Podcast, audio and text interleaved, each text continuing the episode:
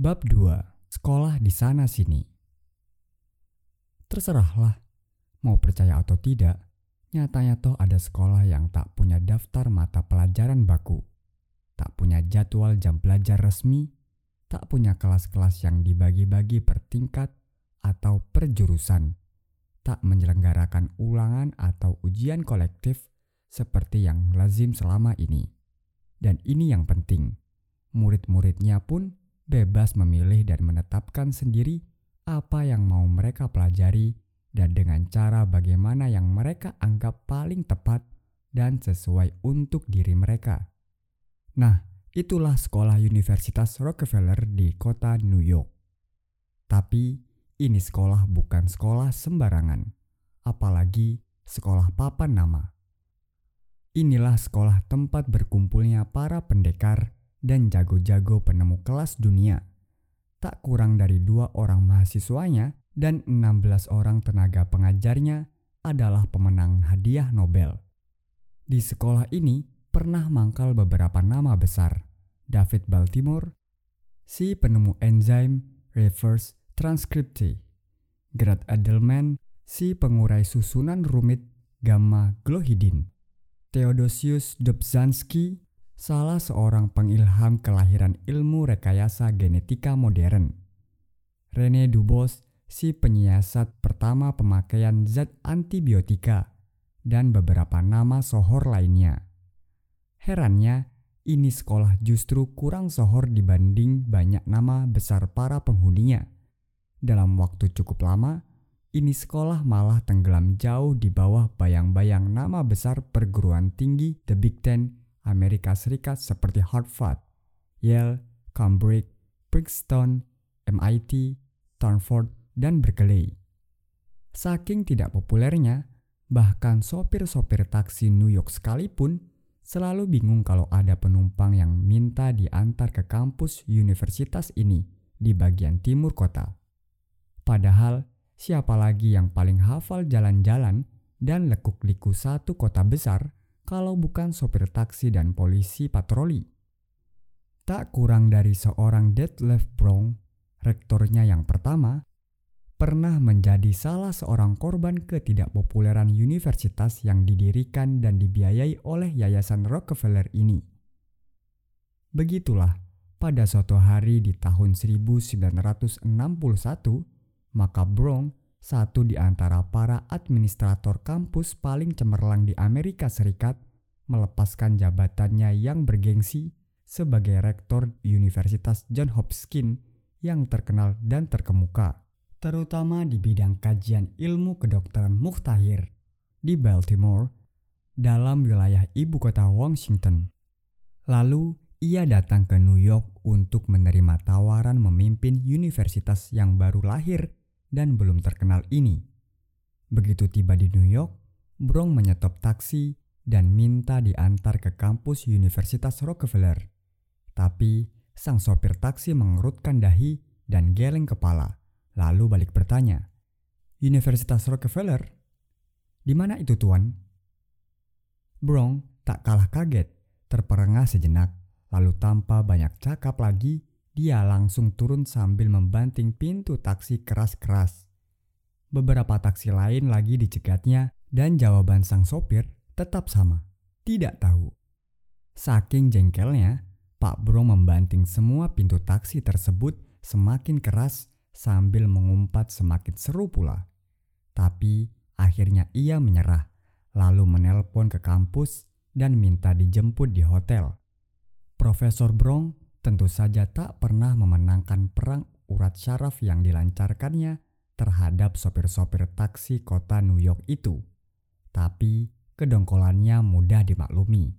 Barangkali sama mudahnya memaklumi kedongkolan seseorang yang mencegat taksi di salah satu bagian kota Jakarta dan minta diantar ke kampus Universitas Indonesia di Salemba Raya. Tapi jawaban sang sopir adalah satu pertanyaan balik. Di mana itu, Pak? Atau bayangkanlah seorang Sujat Moko mencegat taksi di suatu bagian lain kota Jakarta dan minta diantar ke Akademi Jakarta. Agaknya dia akan sedongkol brong. karena hampir bisa dipastikan bahwa tak satupun sopir taksi kota Jakarta yang kenal sekolah macam apa pula ini dan tahu di mana letaknya. Jangankan para sopir taksi, bahkan anak sekolah dan mahasiswa sekalipun masih banyak yang tidak kenal atau bahkan mungkin baru saja mendengar nama itu. Soalnya ini akademi memang bukan sekolahan biasa dan karena itu sama sekali tidak populer. Karena ini akademi adalah sekolahannya para budayawan sepuh Indonesia yang mangkal di Kompleks Taman Ismail Marzuki di bilangan Cikini, Jakarta Pusat. Padahal, betapa banyak lembaga sejenis di dunia ini yang memakai nama sekolahan sebagai namanya. Sebutlah Akademi Prancis yang jadi contoh model gagasan dan mengilhami kelahiran Akademi Jakarta tadi, atau Akademi Ilmu Pengetahuan Swedia yang tiap tahun membagi-bagikan hadiah Nobel dan karena itu cukup populer, atau yang benar-benar populer seperti Akademi Ilmu dan Seni Gambar Hidup, Academy of Motion Picture, Art and Science di Hollywood yang saban tahun bikin pesta hadiah Oscar semuanya bukanlah akademi dalam artian sekolahan yang jamak, tetapi lebih sebagai suatu lembaga pusat pemikiran dan penelitian tempat kumpulnya para pakar. Bahkan dalam kasus akademi yang di Hollywood, anggotanya pun mencakup ratusan penduduk biasa, termasuk anak-anak, yang bertugas menguji dan membanding-bandingkan hasil pengamatan dan penilaian mereka terhadap karya-karya film yang patut menerima gelar tertinggi dari akademi. Lembaga-lembaga dengan nama sandangan sekolah semacam itu memang mirip paguyuban para pakar.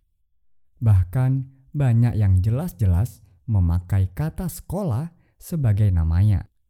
Misalnya, sekolah Frankfurt suatu paguyuban ilmiah para pakar ilmu-ilmu sosial aliran garda depan dari mazhab teori kritis rintisan Max Horkheimer dan Theodor Adorno yang sangat berpengaruh besar pada pemikiran-pemikiran alternatif di zaman modern ini.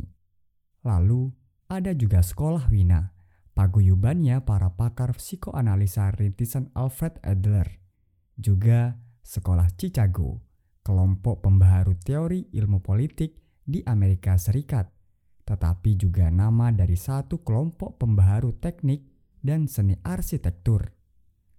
Nama sandangan sekolah itu mudah dipahami penggunaannya dalam hal yang terakhir ini, karena kata sekolah dalam bahasa-bahasa kontinental bisa juga berarti suatu aliran pemikiran school of thought tertentu. Jadi, kalau sekali waktu Anda membaca nama sekolah Durkheim, misalnya, maka harap maklum kalau itu bukanlah nama suatu kompleks gedung atau lembaga persekolahan di suatu tempat di Prancis atau di Jerman, tetapi itulah nama suatu mazhab besar sosiologi teoritis yang diambil dari nama perumusnya yang pertama, Emil Durkheim. Baiklah, pernah dengar atau baca nama Universitas Perserikatan Bangsa-Bangsa yang berkedudukan di Tokyo? Nah, ini juga bukan jenis sekolahan yang umum dan karenanya tak populer. Bagi banyak orang Indonesia, nama universitas ini bahkan baru saja mereka kenal setelah Sujat Moko sebagai seorang warga Indonesia diangkat sebagai rektornya pada tahun 1980. Padahal inilah sekolah yang dicanangkan sebagai pusat penggodokan pemikiran tingkat dunia. Hanya jangan coba bayangkan sekolah ini sebagaimana Anda membayangkan universitas yang lazim dan kini bermunculan di mana-mana sebagai kerakap di musim hujan. Soalnya, sekolah ini lebih berupa satu pusat pengajian, penelitian, dokumentasi, dan komunikasi masalah-masalah sejagat demi kepentingan bersama seluruh umat manusia di masa depan. Kalau saja Sujat Moko pernah mencobanya, maka sangat mungkin ia pun akan mengalami nasib serupa dengan Bronx di New York. Hampir bisa dipastikan bahwa sopir-sopir taksi kota Tokyo akan lebih mengenal universitas-universitas yang memang sudah lazim, populer, dan bahkan juga favorit di sana, seperti Universitas Tokyo, Waseda, Sophia, Tsukuba, dan sebagainya. Tapi memang begitulah nasib sekolah-sekolah yang tidak jamak dan tidak biasa. Meskipun juga bukan sekolah luar biasa yang justru sudah biasa. Gampang dimengerti kalau sekolah-sekolah yang nyeleneh itu justru paling sering tak bisa dimengerti oleh banyak orang. Misalnya saja, kalau disampaikan kepada mereka bahwa ada sekolah yang tak punya gedung bukan karena tak mampu beli atau sewa gedung, tapi terutama karena memang tak terlalu butuh punya gedung. Namanya Sekolah Pamong sekolah yang murid-muridnya boleh dan bisa belajar kapan dan di mana saja, serta menerima murid pada usia berapa saja. Sekolah ini memang numpang di gedung sekolah terdekat, jika memang ada dan mungkin untuk itu. Jika tidak, keadaan itu tak menghalangi murid-murid dan guru-gurunya berkegiatan di rumah-rumah penduduk, di pendopo desa, di lapangan terbuka, atau bahkan di tegalan sawah dan ladang sambil bermain dan atau bekerja. Jenis sekolah ini pernah dimasyarakatkan di beberapa daerah pedesaan Indonesia. Tapi seberapa banyak orang Indonesia menganggap ini memang sekolah beneran dan mau memasukkan anak-anak mereka secara sukarela ke sana. Bagi mereka yang sudah terlanjur menganggap sekolah dalam pengertiannya yang galib selama ini, maka memang sulit untuk memahami bahwa sekolah justru bisa saja sangat berbeda dengan apa yang mereka pikirkan. Ini satu contoh lagi. Bayangkan ada sekolah yang sepenuhnya berkegiatan bukan di suatu gedung atau ruang kelas, tetapi di gerbong kereta api bawah tanah yang sedang meluncur. Itulah sekolah keahlian administrasi perusahaan yang dibina oleh beberapa universitas terkemuka di kota metropolitan New York. Di sekolah ini, mahasiswanya berkuliah setiap pagi dan sore hari saat berangkat atau pulang kerja. Umumnya, mereka memang para karyawan yang ingin lebih meningkatkan kemampuan profesionalnya, namun tak punya banyak waktu luang selain dalam perjalanan di antara rumah dengan tempat kerja mereka saat berangkat atau pulang kerja. Ya, di dalam gerbong kereta api bawah tanah itulah. Malah masih di kota New York, ada sekolah yang sepenuhnya berkegiatan di pinggir jalan. Di kawasan perkampungan kumuh, slum kaum miskin kota dunia itu. Namanya Sesame Street School, nama yang masih untung bisa dikenal dunia luar berkat tiruan acaranya di layar televisi serta lagu jazz sendu khas Harlem dan Bronx, Sesame Street. Ini sungguh-sungguh sekolahnya para anak jalanan yang dalam banyak hal bisa diperbandingkan dengan sekolah gelandangan yang mulai banyak bermunculan di sudut-sudut remang dan kotor kota-kota besar negara berkembang. Dari Rio de Janeiro sampai ke Nairobi, New Delhi, Kalkuta, Bangkok, Ho Chi Minh, Manila, dan jangan lupa Jakarta. Tapi seperti juga di kota-kota besar Amerika Serikat yang adik kuasa itu, bahkan di kota yang paling resik dan konservatif seperti London pun tetap ada saja sekolah jalanan yang memang tak mau ambil pusing dengan ada atau tidaknya ruang kelas belajar bagi murid-muridnya. Kurang yakin? Baik, silakan bersurat ke alamat ini. School Without Walls, C Strip O, Miss Patricia Holland, 8 until 10, Niels Yard, London, WC2, UK, PON 012401864. Semoga belum kena gusur petugas kota Praja. Sekolah yang dapat berkegiatan di sembarang tempat ternyata bukan monopoli sekolah-sekolah jalanan saja. Jenis sekolah ini malah bisa lebih menisbikan ruang dan waktu. karena kegiatan belajarnya bisa saja dilakukan di kamar kecil, namanya sistem belajar jarak jauh, yang kemudian lebih dikenal dengan nama sekolah terbuka. Soalnya, inilah jenis sekolah yang sebagian besar pelajarannya disiarkan melalui media cetak, televisi, terutama televisi kabel dan jaringan siaran terbatas, closed circuit television, dan siaran radio. Nah, membaca buku pelajaran atau mendengar siaran radio kan boleh-boleh saja di WC sambil dan yang mungkin agak jauh lebih mencengangkan pikiran banyak orang adalah jika dikatakan bahwa ada jenis sekolah yang sama sekali tak menyediakan ijazah atau semacamnya dan karena itu pun tak menyediakan segala macam tetek bengek gelar akademis beserta segala prosesinya. Betul, sekolah-sekolah dasar dan menengah umum juga kursus-kursus keterampilan berjangka pendek dan menengah atau program non-gelar dalam jalur sistem multistrata perguruan tinggi Indonesia saat ini. Juga tak menyediakan gelar-gelar akademis. Namun, tetap saja menyediakan ijazah atau diploma atau sertifikat atau surat keterangan sejenis. Nah, sekolah yang dimaksudkan di sini justru tidak menyediakan kedua-duanya sekaligus. Inilah jenis sekolah hanya mempersyaratkan falsafah, punya ilmu dan amalkan, tak lebih tak kurang. Agar Anda lebih yakin saja maka silahkan menjenguk banyak pondok pesantren di pedalaman Indonesia, terutama di Pulau Jawa. Meskipun memang disayangkan, sekolah-sekolah jenis ini sekarang sudah banyak yang terbawa arus dan sekedar menjadi duplikasi dari sekolah-sekolah umum lainnya, menjiplak mentah-mentah kurikulum resmi, latah bikin jadwal, ruang kelas, kenaikan kelas, dan ijazah.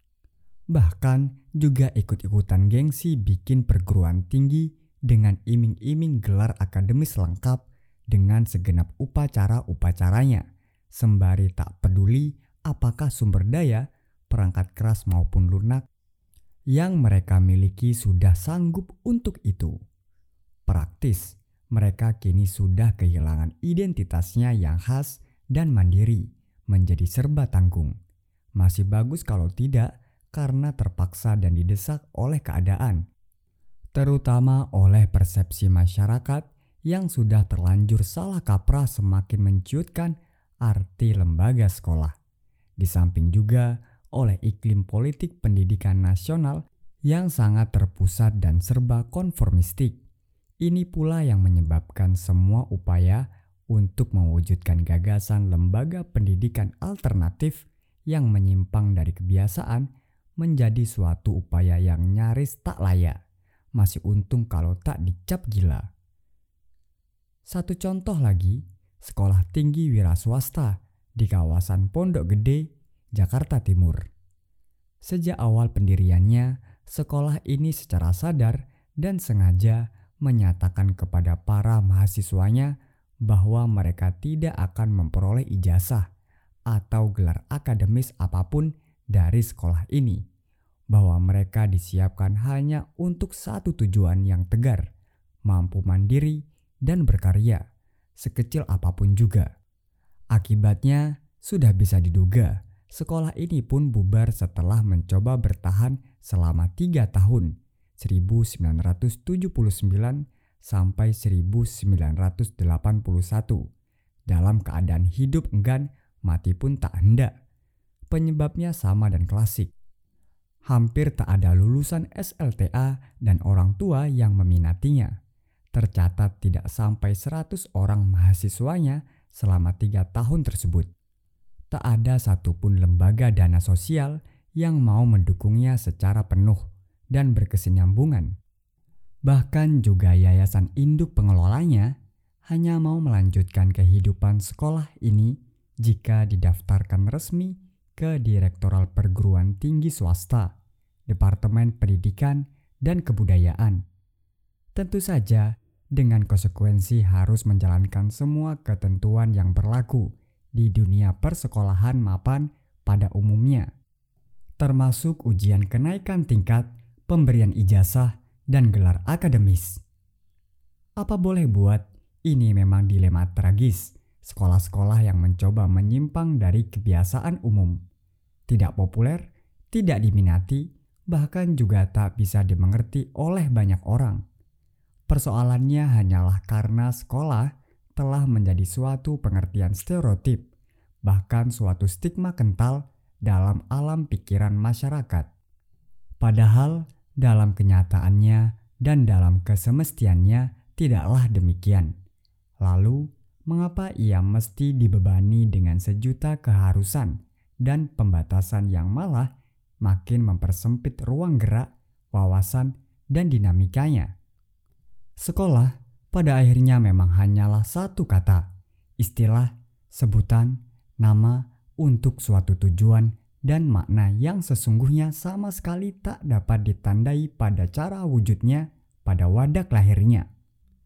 Semua atributnya yang resmi dan mapan selama ini bukanlah sesuatu yang sakral dan mesti dikeramatkan.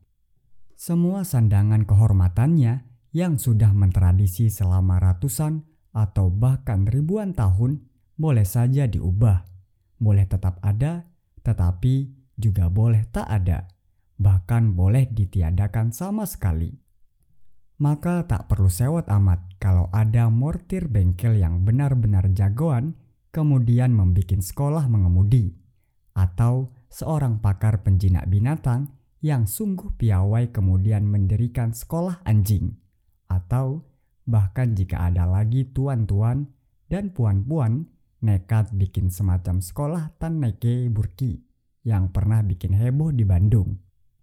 Juga tak perlu rewel lah kalau ada orang yang serius mendirikan taman kakek nenek atau justru akademi kanak-kanak. Bahkan kalau ternyata nanti kelompok badut Sri Mulat sudah sedemikian mempengaruhi cara pikir dan sikap hidup banyak orang. Maka tak perlu senewan benar kalau dalam buku-buku teks sosiologi di perguruan tinggi kita nantinya, misalnya dapat dibaca istilah sekolah Sri Mulat sekalipun Siapa tahu? Jatiwaringin 10 Oktober 1980